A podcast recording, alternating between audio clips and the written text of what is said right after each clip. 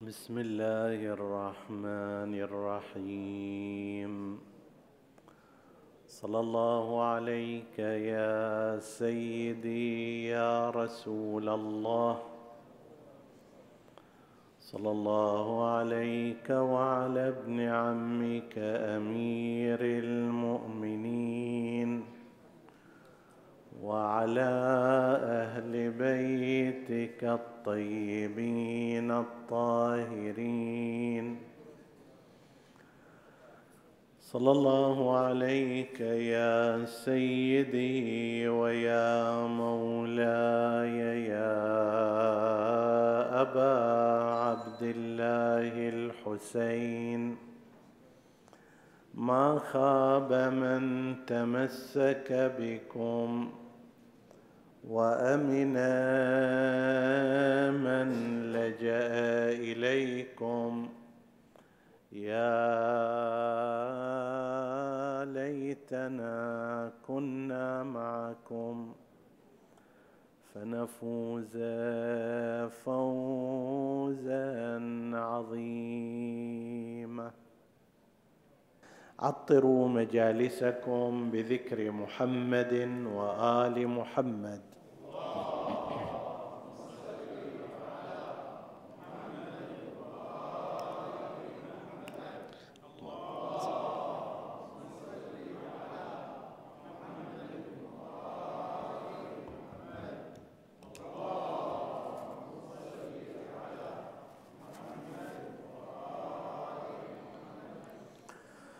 نعزي رسول الله صلى الله عليه وآله والعترة الهادية والعترة الهادية باستشهاد الإمام العاشر من أئمة أهل البيت عليهم السلام الإمام علي بن محمد الهادي صلوات الله وسلامه عليه ونسأل الله سبحانه وتعالى أن يزيدنا به وبآبائه وأبنائه معرفة وأن يرزقنا شفاعتهم يوم القيامة إنه على كل شيء قدير. ونتناول في هذه المناسبة شيئا مما يرتبط بسيرته الشريفة ودوره في حفظ الإسلام الأصيل. ولادة الإمام الهادي عليه السلام كانت في سنة مئتين واثني عشر. مئتين واثنعش كانت ولادة الإمام الهادي صلوات الله وسلامه عليه في منطقة صريا في المدينة المنورة. إلى الآن موجودة منطقة صريا وهي مزرعة.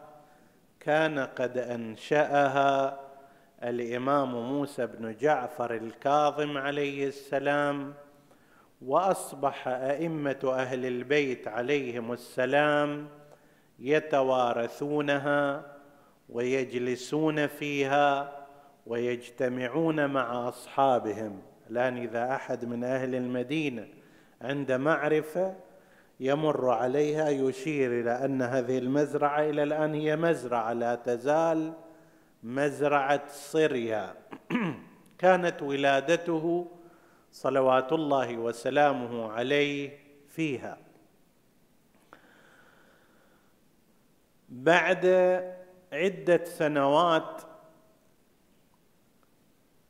ولم يطل الأمر بالإمام الجواد عليه السلام حتى أقدم المعتصم العباسي لعنة الله عليه على تسميم الإمام الجواد في سنة 220 للهجرة. يعني الآن عمر الإمام الهادي ثمان سنوات فاغتيل أبوه الجواد بالسم على يد المعتصم وبتنسيق مع أم الفضل بنت المأمون التي كانت زوجة مع وقف التنفيذ للإمام الجواد عليه السلام. فآلت الإمامة إلى الإمام الهادي عليه السلام في ذلك العمر المبكر. الغريب أن هذا الأمر لم يثر إشكالات وأسئلة كبيرة عند شيعة أهل البيت. والسبب في ذلك فيما نراه أنه قد سبقت تجربة عملية للإمام الجواد نفسه لوالد الإمام الهادي عندما تولى الإمامة وعمره ثمان سنوات وأشهر. في وقتها أول حادثة تصير أثارت كثير من الإشكالات من الاعتراضات فالإمام الجواد عليه السلام نظر لهم نظريا وبرهن عمليا على أن قضية الإمامة كالنبوة لا ترتبط بأن يكون عمر الإنسان كبيرا وعضلاته مفتولة وما شابه ذلك. وإنما هي انتخاب واصطفاء إلهي مثل ما هو الحال في النبوة. كيف أن الله سبحانه وتعالى آتى النبوة عيسى وهو صبي؟ قرأوا سورة مريم. وآتى الحكم يحيى وهو صبي أيضا.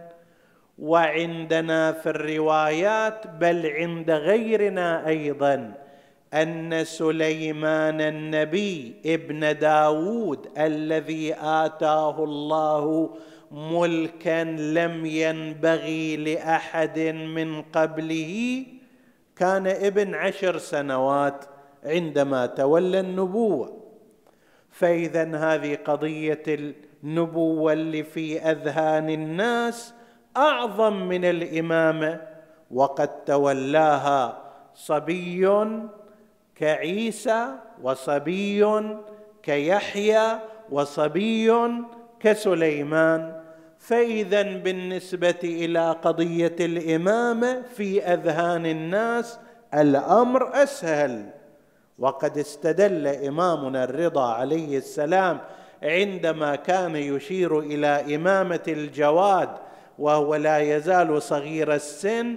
قال إن الله آتى عيسى النبوة بشريعة مبتدأة وهو دون هذا السن.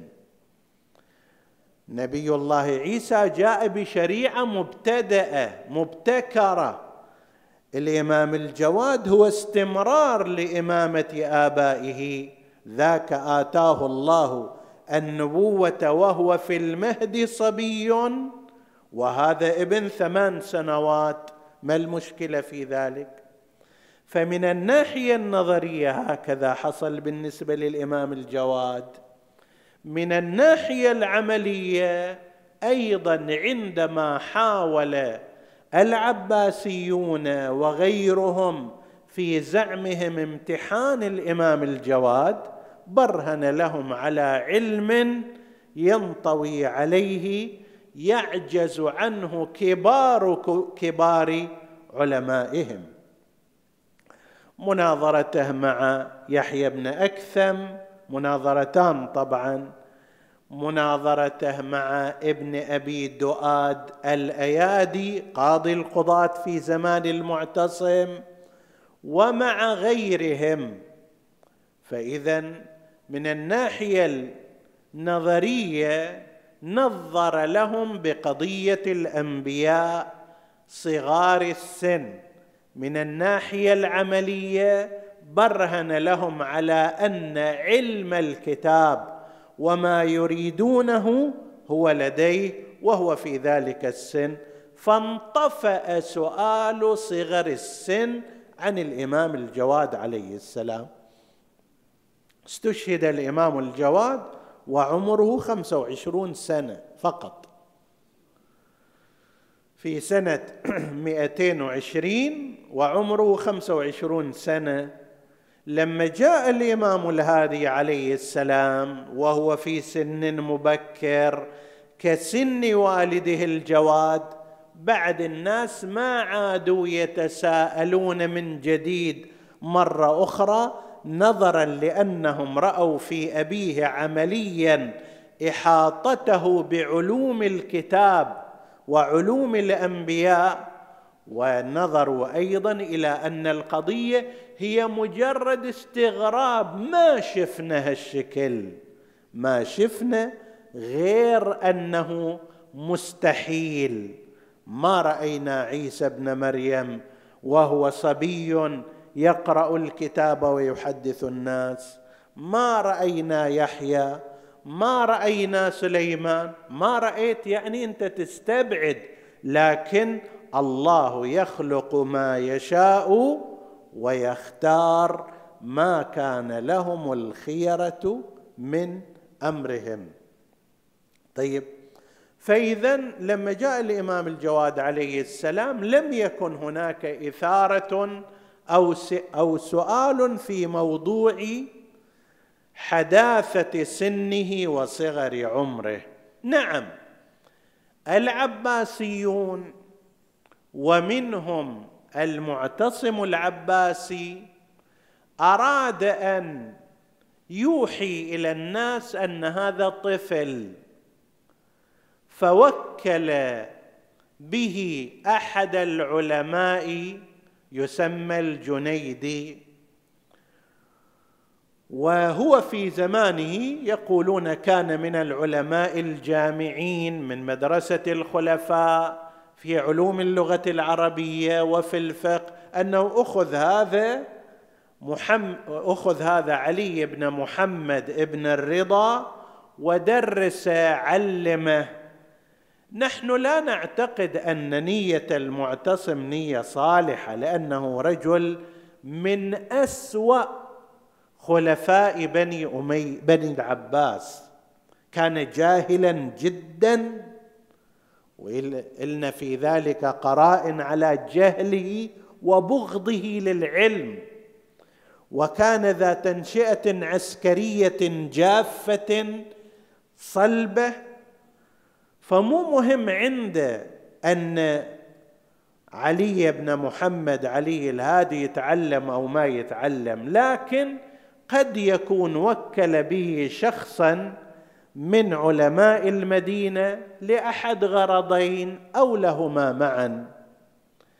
إما لكي يبين للناس أن هذا ما عنده علم ما عنده معرفة ولذلك لازم نثقفه ونهذبه ونربيه أو لجهة أخرى أنه يقول هذا ما دام صغير السن فنوكل فيه عالم من علماء مدرسة الخلفاء يزرقه شنو؟ مبادئ تلك المدرسة ويبعده عن أفكار أهل البيت. لكن هذا الجنيدي يقول فترة كان يحضر عندي فجاءني رجل من طرف الخليفة والحاكم سألني كيف وجدت الغلام الهاشمي؟ شلون درسه؟ شلون كذا؟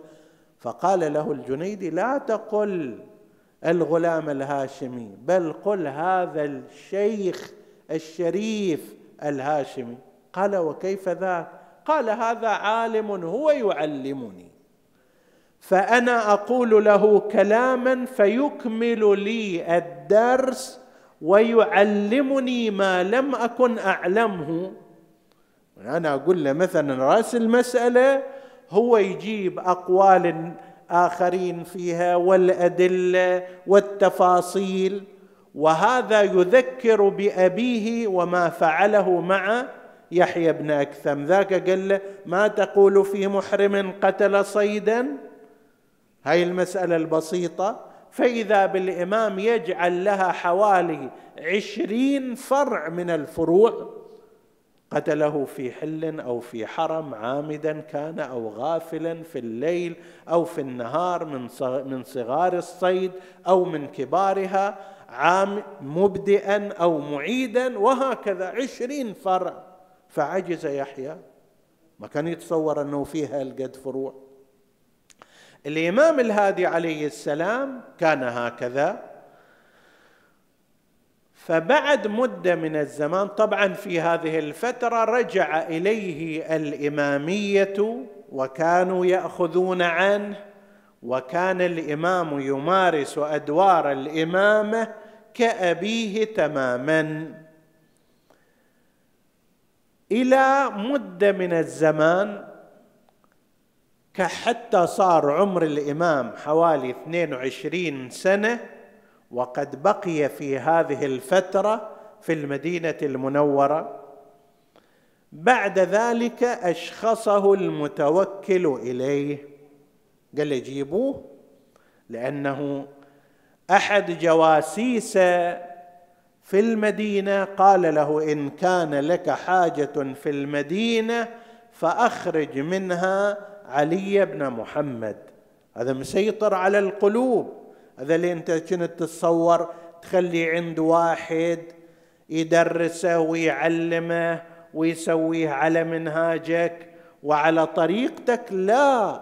هذا لف المدينة بعلمه وبحسن أخلاقه. فإذا لك حاجة فيها أخرجه منها. فاستدعاه وأشخصه إلى سامراء ذاك الوقت سامراء كانت هي العاصمة وكان المتوكل العباسي هو الخليفة والمتوكل من النصاب بالنسبة إلى أهل البيت. يعني كان يتظاهر ببغض علي عليه السلام.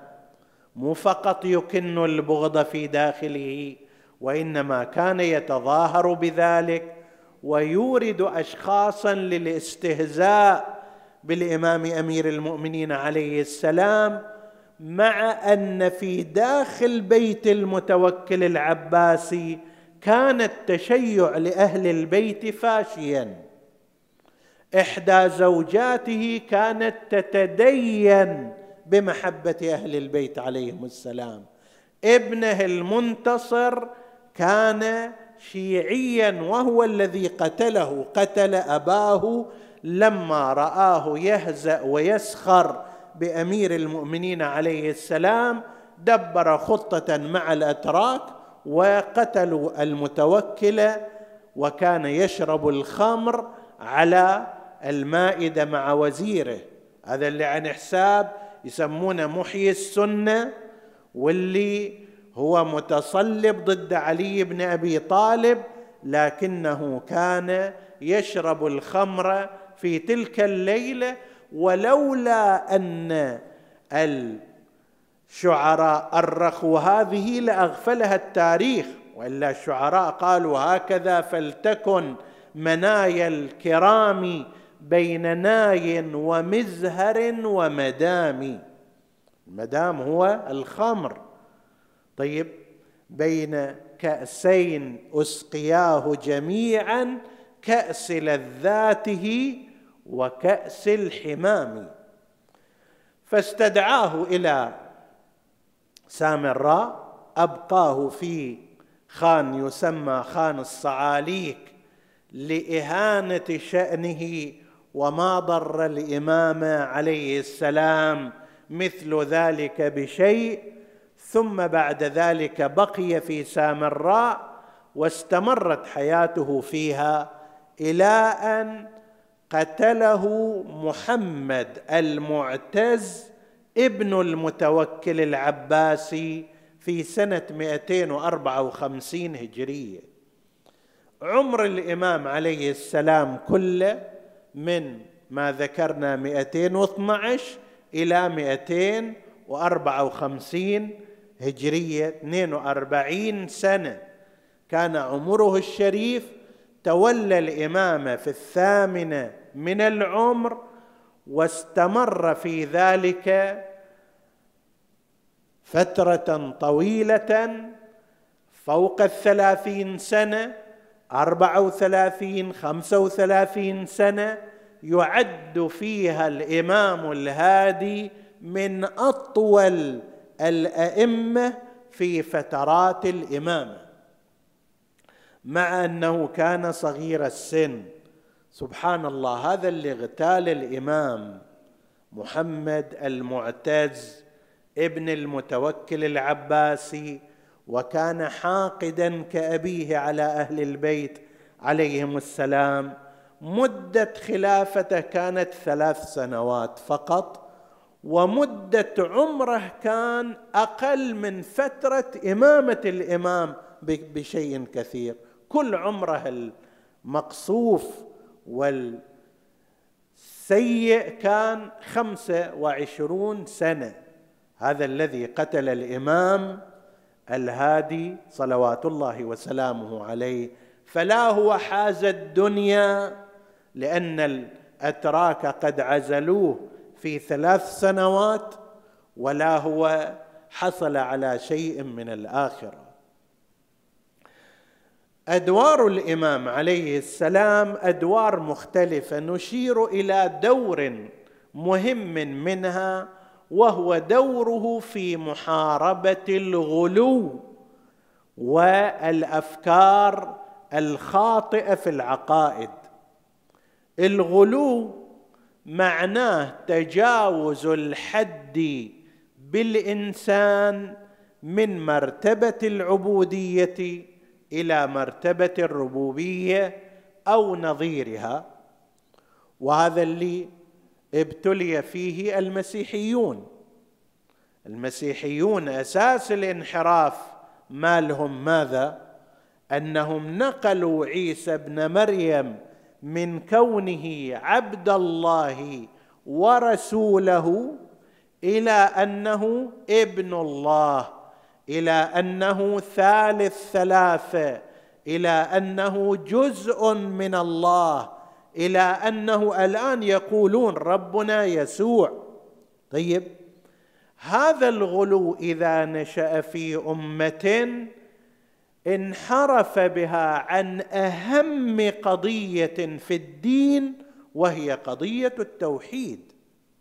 توحيد الله عز وجل هو أعظم مبدأ في الدين في كل الديانات السماوية. فإذا اعتبرت شخصا فيه صفات الله عز وجل هذا رقيت من كونه عبدا إلى كونه ربا أو جزء رب. إذا خليته يشارك الله في أمره في خلقه في نهيه في ما شابه ذلك فأنت تكون قد أشركت بالله ما لم ينزل به سلطانا. ولذلك تلاحظون حساسية هذه القضية عندما نأتي ونذكر النبي صلى الله عليه وآله في الصلاة ماذا نقول؟ وأشهد أن محمدا عبده ورسوله. الله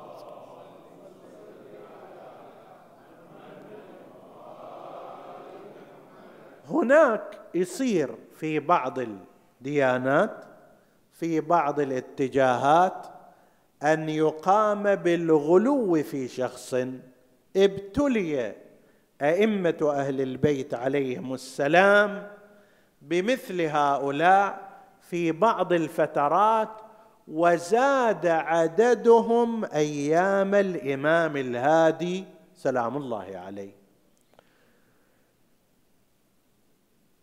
إحنا ترى من الممكن أن تتسرب إلينا بعض أفكار الغلو ها؟ لا تتصور أن القضية قضية تاريخية لا. في الدين في المذهب هناك احتمالات تسرب الغلو إليك وإلي لأن هناك منافذ متعددة للغلو. واحد من المنافذ الروايات المفتعلة على أئمة أهل البيت عليهم السلام. تجيك رواية من الروايات اللي فيها مثلا أن الإمام يرزق أن الإمام يخلق أن الإمام كذا أن الإمام كذا. تشوف في بعض الكتب موجودة. لا ريب أن الأئمة عليهم السلام أعطاهم الله سبحانه وتعالى صلاحيات وإمكانات ولكن كلها بإذنه وكلها تحت أمره وكلها باعتبارهم عبيد مربوبون كما قالوا مرارا. بس إذا جاءت هكذا روايات ورأيناها في بعض الكتب وقسم منا فكر أن يتعامل مع هذه الروايات بنفسه يقول لك رواية وهذه عن الإمام الفلاني. كيف ما أقبل فيها؟ طيب هذه الرواية يحتمل أن رواتها ضعفاء يحتمل أن رواتها غلاة أكو بعض الرواة وصفوا عندنا بالغلو بل إن الإمام الرضا عليه السلام يقول هناك جماعات من مخالفينا وضعوا علينا روايات فيها غلو فينا. رواية مشهورة عن الإمام الرضا عليه السلام إن مخالفينا وضعوا فينا روايات على أقسام الغلو فينا والتقصير في أمرنا وثلب أعدائنا. فإذا سمع الناس روايات الغلو فينا قالوا إن شيعتنا يعتقدون بربوبيتنا فكفروهم. فيقول هذا مو أناس من عندنا وإنما مخالفون لنا. مخالفون لمنهجنا مخالفون لطريقتنا حتى وإن كانوا في بيئتنا الاجتماعية. حتى وإن كانوا يذهبون ويأتون مع أصحاب الأئمة. عليهم السلام. لكن هذا مخالف لمنهجنا. ولذلك لما سأل أحدهم الإمام الهادي عليه السلام عن بعض هذه الروايات قال له ليس هذا ديننا فاعتزله. أي الروايات التي تتحدث عن الغلو في أنفسنا هذا ليس من ديننا. اعتزل هذا الكلام. انفه عنك. فايضا إحنا من الممكن أن نتعرض لمثل هذه الروايات. وطريقة السلامة هنا إرجاع الأمر في هذه القضايا إلى العلماء المتبحرين بالذات في العقائد وفي علم الكلام وإلى المرجعية الدينية التي لديها الحكم على هذا الراوي بالصحة وعلى ذلك بالفساد. وإلا من الممكن كما قلنا الآن في زمان الإمام الهادي عليه السلام عرف أشخاص علي بن حك علي بن حسكه حاتم ابن فارس القاسم اليقطيني أمثال هؤلاء عرف عنهم الغلو في المعصومين. لماذا يغلو هؤلاء؟ لماذا يغلون في المعصومين؟ لأسباب مختلفة. واحد قسم منهم ما يقدر يوفق بين هالمنازل العالية الكبيرة للإمام وبين كونه عبد من العبيد. بين كونه مقرب من الله سبحانه وتعالى. تجري على يده الكرامات تجري على يده المعاجز. طيب ومن جهة أخرى أن يكون بشرا يأكل الطعام يمشي في الأسواق. تعتريه الحالات البشرية. يأكل الطعام تعبير عن ماذا؟ عن الذهاب إلى بيت الخلاء. مو يعني يأكل الطعام هكذا فقط لا يعني يحتاج كبدن كبشر إلى أن يفرغ في بيت الخلاء. ولذلك الإمام الصادق عليه السلام واحد كان يعتقد فيه افكارا من الغلو فلما حضر ناداه قال يا فلان أعطني الإبريق. فجاب إلى الإبريق وذهب أمامه إلى بيت الخلاء. هذه كأنما إشارة أن هذا الذي يحتاج إلى بيت الخلاء ويحتاج إلى أن يفرغ ما في بطنه هذا محتاج والله لا يكون محتاجا لشيء مستغن عن كل شيء فكانوا يفهمون هذا المعنى. إضافة إلى ذلك قسم من هؤلاء كانت لديهم مصالح مثل بعض من عددنا أسماءهم. أول يقول أن علي الهادي هو نبي من الأنبياء يرفع درجته عن الإمامة إلى النبوة. بعد ذلك يقول بل هو يشارك الله عز وجل. زين. المرحلة الثانية كما صنع بعضهم قال ولقد أرسلني إلى الناس. هذا الإله بزعمه الكاذب هو أرسلني إلى الناس وجعلني نبيا عليهم فاسمعوا قولي وأنصتوا إلي.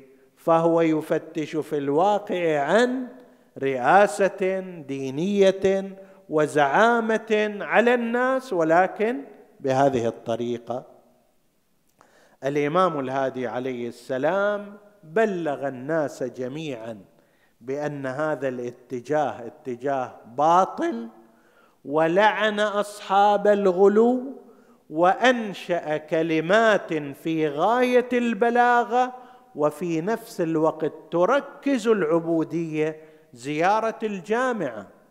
زيارة الجامعة الكبيرة هي مروية عن الإمام الهادي عليه السلام وكلها مع سمو معانيها تركز على أن هؤلاء عبيد لله فعظمتم جلاله وأكبرتم شأنه وأحكمتم عقد طاعته. أنتم كنتم دعاة إلى الله كنتم تشيعون رسالته تأتمرون بأوامره. أنتم شفعاء؟ نعم. اللهم إني لو أعرف أو أعلم شفعاء أقرب إليك من هؤلاء لجعلتهم شفعائي إليك. فهم في إطار العباده العالية والسامية. فكان الإمام عليه السلام هكذا في الطرف المقابل لعن الغلاة بل أمر بقتلهم. أمر بقتل الغلاة في زمانه ليش؟ لأن الغالي إن كان صاحب شبهة بينا له الحقائق. لا مصر على ذلك مع اتضاح الحقيقة هذا يكون قد خرج من دين الإسلام وارتد عنه إلى الكفر وهو يشيع أيضا الكفر في المجتمع يشيع الردة في المجتمع. هذا إنسان يستحق القتل في نظر الإمام عليه السلام فأمر أيضا بقتلهم. هذا كان من أهم الأدوار التي قام بها إمامنا الهادي صلوات الله وسلامه عليه إمامنا الهادي بقي أكثر فترة إمامته في سامراء يداري أمور شيعته ويتواصل معهم ويبلغ رسالة ربه وقضى في تلك الفترة من أصعب الفترات التي مرت عليه صلوات الله وسلامه عليه حيث سجن عدة مرات. فترة كانت الخلفاء العباسيون فيها لا حول لهم ولا طول. كانوا العوبه بيد الغلمان الأتراك بيد العسكريين الأتراك. طيب لكن أول ما يأتي واحد منهم يطلع حسب التعبير قوته في هؤلاء الضعفاء والمؤمنين في شيعة أهل البيت وفي إمامهم. فتعرض الإمام عليه السلام مرارا للأذى سجن عدة مرات حاولوا اغتياله مرارا. كل واحد منهم تجي ترى في سيرته في سيرة أولئك الخلفاء العباسيين هذا الأمر. وربما يكون أن الاختلاف التي الذي حصل بين بعض المؤرخين في أنه من الذي قام بتسميم الإمام عليه السلام؟ راجعا إلى هذه القضية نظرا لأن كل واحد من الخلفاء العباسيين في ذلك الدور في تلك الفترة يعني خلال أربعين سنة تقريبا كان هناك أكثر من ثمانية خلفاء عباسيين. بعضهم يأتي أشهر بعضهم يأتي سنوات ثم يعزل بواسطة هؤلاء الأتراك.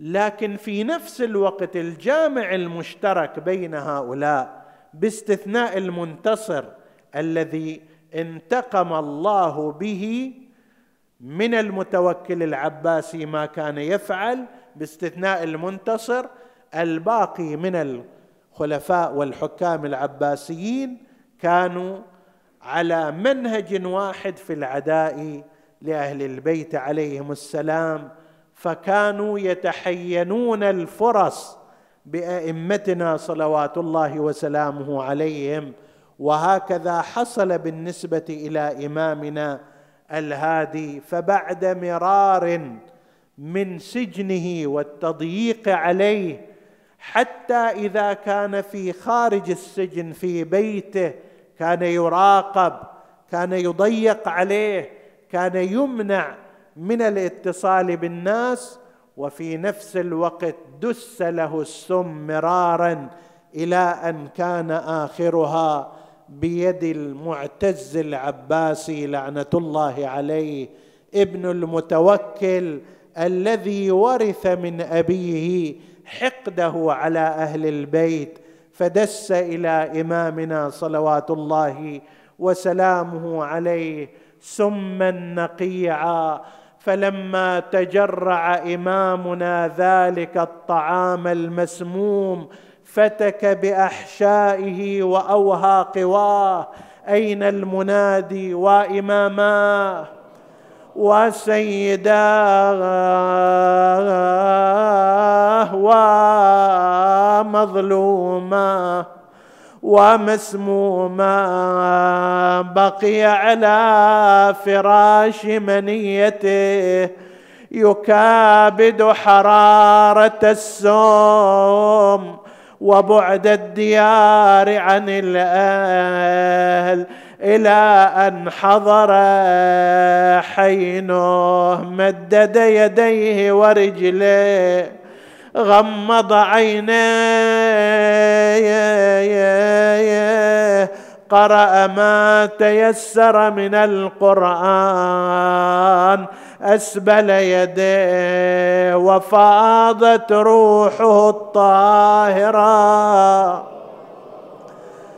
أين المنادي واماماه وعلياه ومظلوماه ومسموماه أويلي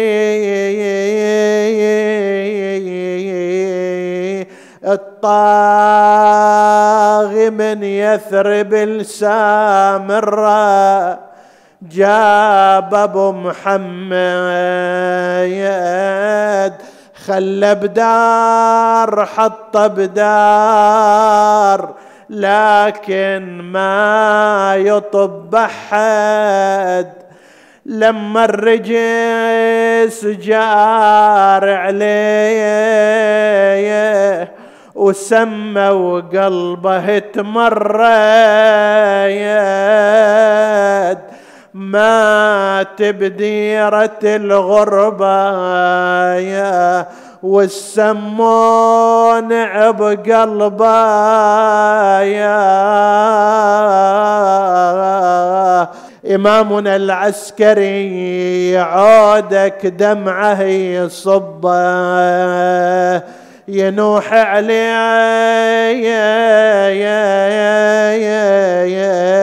ودموعه على الخدين منثوره أويلي قام وغسل بيده وشال ونزل بقبره. يا يا ما ظلت ثلاثة أيام يا يا يا. جثته فوق الغبرة لكن جدك المظلوم ومهجة فاطمة الزهراء جثته رمية على الثرى يا يا. يا جثته رمية على الثرى ودمه يجري من منحره يا يا يا. كأني بزينب سلام الله عليها. وهي تنظر إلي وتنادي. أنا وياك فوتناك يا حسين. آه. يا يا بأنا واقفة وتناك يا آه يا يا بوربل طريقك شابح العين. آه. صديت لن الفزع صابين خيل وزلم خيل وزلم تركض بصفين. يا بخيل وزلم تركض بصف. آه, آه خذوا ثار بدر وحني. آه يا ويلي فزعة وفرد فزعة على حسين. فزعة وفرد فزعة على آه فأي شهيد أصلت الشمس خده ومشهدها من نوره يتوقد. نسألك اللهم وندعوك باسمك العظيم الأعظم. العز الأجل الأكرم. يا الله اغفر لنا ذنوبنا كفر عنا سيئاتنا آمنا في أوطاننا لا تسلط علينا من لا يخافك ولا يرحمنا ولا تفرق بيننا وبين محمد وآله طرفة عين. فضل اللهم إخواني السامعين فردا فردا واقض حوائجهم. اشف اللهم مرضاهم لا سيما المرضى المنظورين. ومن أوصانا بالدعاء واكشف اللهم هذا الوباء عن عبادك يا رب العالمين. تقبل اللهم عمل المؤسسين بأحسن القبول. وإلى أرواح موتاهم وموت السامعين نهدي ثواب الفاتحة تسبقها الصلوات.